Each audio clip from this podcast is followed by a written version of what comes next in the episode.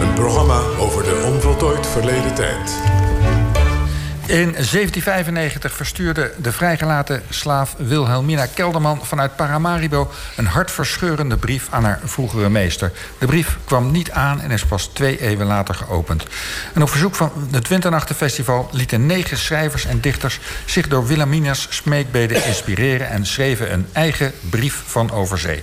En twee van die briefschrijvers hebben we te gast, Reggie Bay en Ellen Dekwits.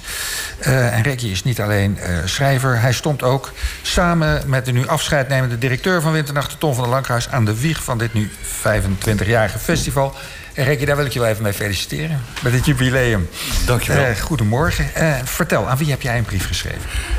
Ja, nou, toen uh, me dat werd gevraagd om een brief te schrijven... vanuit de kolonie of vanuit Nederland naar de kolonie was het meest voor de hand liggende dat ik een uh, familielid zou kiezen. Hè? Ofwel mijn onbekende grootmoeder, uh, de Njai... ofwel mijn Nederlandse voorvader die zo nodig daar naartoe moest... om uh, een aantal dingen te doen. En waardoor ik hier nu zit als bruin gekleurde Nederlander. Maar dat heb ik dus niet gedaan. En ik heb eigenlijk gekozen voor een brief van dokter Mohammed Hatta... die die stuurt naar Nederland... En uh, dat heeft een hele, een hele, duidelijke reden. Toen ik onderzoek deed, toen uh, kwam ik dus in de uh, Kamerverslagen... In de ja, van de jaren 30 tegen dat er in de Kamer en het parlement werd georeerd... dat het zeker nog 100 jaar zou duren, 1939 in dit geval... voordat de Indonesië rijp zou zijn voor onafhankelijkheid. Reggie, dat is allemaal de afzender. Ging de brief ook naar iemand toe? Sorry? Ik, ja, je hebt het steeds over de afzender, nee, maar aan wie was de brief gericht? Aan, aan Colijn, Juist. de minister-president. Ja. Nou, laat er een klein stukje van horen. Zeer geachte minister-president Colijn der koloniale Nederlanden. Uw naam verschilt slechts één letter van een in uw land zeer bekend knaagdier. En het lijkt erop dat u dit dier, als het gaat om zijn belangrijkste eigenschap... naar de kroon wilt steken. En dan bedoel ik even niet zijn mythisch vermogen tot voortplanting... maar die andere eigenschap. Blijft u namelijk knagen, gestaag knagen... aan het wettige recht tot zelfbeschikking van het Indonesische volk... Onder het mom dat de Indonesiër een, een afhankelijk en onkundig kind is... en dus niet in staat tot zelfbeschikking?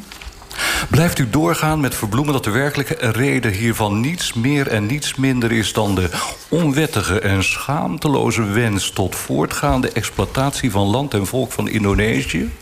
Zoals uw land al 3,5 eeuw heeft gedaan? Heeft u dan geen last van een knagend geweten? Er komt, excellentie, dat verzeker ik u... een dag dat, waarop dat wat u en uw parlementsleden doen... framing zal worden genoemd. Ja. Dankjewel. Ja, uh, Hatta blijkt in jouw brief in de toekomst te kunnen kijken.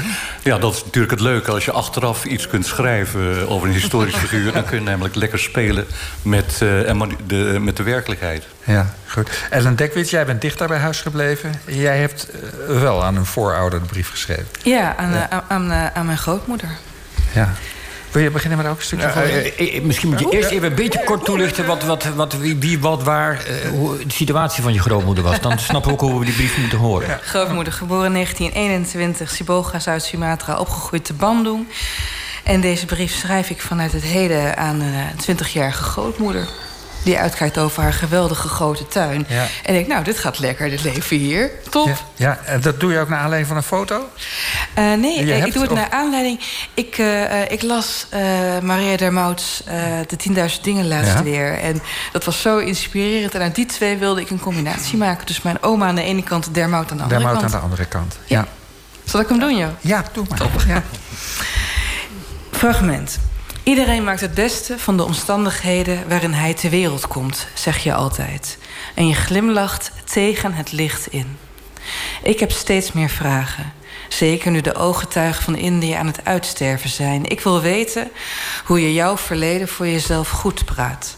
En hoe ik van iemand kan houden die ten koste van anderen in wilde leefde. Ik ben nu zo dicht bij je dat ik je hoor ademen. Je vertelt over de geesten die je altijd in de tuin ziet, stroeiend rond de wortels van de waringingboom, de kleine djinns die wegschieten tussen de struiken. In de roman De 10.000 Dingen van Maria de Mout worden de levenden lastig gevallen door hen die een gewelddadige dood stierven. Maar jij lijkt me nergens last van te hebben. En ik vraag hoe dat nou voelt, ergens mee wegkomen.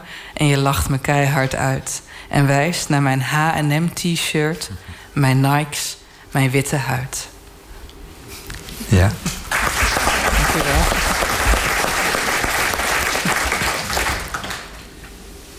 Ja.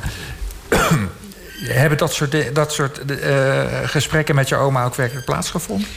Ik heb het geprobeerd aan te kaarten. Ehm, dit is natuurlijk fictie dat ze me uitlacht. Ja. Nou, ze lachten me wel uit, maar om hele andere redenen. Ik heb het wel geprobeerd aan te kaarten. Van hoe was dat? Want je zat eigenlijk in een heel ongelijkwaardig systeem. En dan zei ze altijd: ja, je moet altijd gewoon het beste maken van de tijd en plek waar je geboren bent. Dus heel pragmatisch, heel erg overlevingsgezind. Totaal geen oog voor de ethische kant van de zaak. Maar ja, daar ben je ook een overlever voor, Ja. denk ik in haar geval. Ja, want eh, had zij eh, ook zoiets dat ze eh, nooit helemaal echt zich thuis is gaan voelen in Nederland? Nee, nooit. Ja. Nooit. En die eh, Nikes en H&M-shirts die je nu niet draagt... is omdat het zondag is? nee, eh, tot, ik zelf een beetje begon na te denken over waar de kleding die je kan dragen vandaan komt. Dat is natuurlijk ook een deel van slavernij. Dat is ook een deel van onderdrukking. Dus eh, ik, ik, kon wel heel erg eh, met mijn wijzende brilsmurvingertje zeggen van nou oma, dat was niet allemaal zuiver in die tijd. Maar ik liep er ook niet helemaal netjes bij wat dat betreft. Ja. En, en je oma, die, die, die is dus daar opgegroeid. Ehm, hoe was dat? Heb jij, heb jij, ben jij boos op haar geweest? Hoe is dat geweest om te ontdekken dat er iets niet in de haak was voor jou? Boos niet, eh, boos niet, maar het wringt natuurlijk wel. Je krijgt wel, en dat, dat heb ik ook wel meer gezien bij nazaten en kleinkinderen van... je krijgt wel een soort postkoloniaal schuldbesef. Want eh, kijk, thuis vertelden ze wel over dat paradijs waar ze vandaan kwam... maar dat ging natuurlijk ten koste van het leed van derden en zo. En dat, dat, dat knaagt. En eh, kijk, mijn familie heeft alles verloren in de oorlog. Maar mijn vriendin van mij, die, hebben echt, die waren net op tijd weg in Indië. Die hebben daar een fortuin gemaakt. Nou, daar heeft ze nog steeds geen vrede mee. Op wat voor manier dat is gegaan. Ja, ik vind het wel een mooie postkoloniaal schuldbesef. Yes. Ja, ja. Maar wat, wat, wat, eh, ik ben zelf in Den Haag opgegroeid. Er, eh, vrij veel eh, Indische kinderen op school ook. Daar kwam ik ook wel thuis. En daar had je al dat lekkere eten nog. En dat, dat nostalgische gevoel wat er overal heerste. Dat tempo-doelo gevoel. En de discussie nu is een beetje... dat een, een bepaalde groep denkt... dat mogen we helemaal niet meer uiten. Wij mogen geen positieve herinneringen meer hebben. Oh, natuurlijk mag je dat Ja, hebben. ja. Natuurlijk. En, weet je wat is? Heel veel mensen hebben ook verdriet. Zeker als je kijkt naar, naar de ooggetuigen die er nu nog zijn. Die waren kinderen. Wat kan je, wat kan je dan verweten worden? Maar ehm, wat ik alleen maar probeer te zeggen... en wa- wat ik, waar ik zelf ook nog mee worstel... is dat het wel een paradijs was met een enorm zwarte rand. En dat het een buis- paradijs was van, van buitensluiting. En wij leerden verlangen... Eh, in, in- in mijn jeugd, wij leerden verlangen naar een vergelijkbaar paradijs. Om te ontdekken dat het paradijs ten koste van zoveel gaat dat het eigenlijk niet mag bestaan. Ja. En dat is heel erg. Op, eh, in een paradijs zijn dat niet mag bestaan. Dat is gewoon waardeloos, eigenlijk, toch? Ja, je hebt de fantoompijn naar een plek die Ja. je nooit meer kan bezoeken. ja, die niet meer bestaat. Nee. Dat, dat, ben je het mee eens, Reggie? Dat, Eh, nou ja, ik vind het ongelooflijk interessant wat hier gezegd wordt. Eh, mijn ouders zaten natuurlijk aan de andere kant. Ja. Dus mijn ervaring is heel anders. Eh, zij behoorden tot de have-nots. Zij werden gediscrimineerd. Zij waren bruin. Zij waren de half-caste, zoals ze daar ook werden genoemd. En dan heb ik heb dus helemaal geen verhalen gehoord van dat het zo paradijselijk was. Ik heb juist de andere kant gehoord. Dus dat besef van daar was iets heel onrechtvaardigs aan de hand. En daar werden mensen op die manier behandeld. Ja, dat is de boodschap die ik heb meegekregen. En dat heeft voor mij eh, bepaald wat ik nu aan het doen ben. En wat ik al die jaren heb gedaan. eh, eh, en waarover ik heb geschreven. Ja, goed. En waarover jullie nu een, een brief hebben geschreven... waar je even iets uit kunnen citeren, over kunnen vertellen. Heel hartelijk dank daarvoor. Dankjewel. Ja. En wij gaan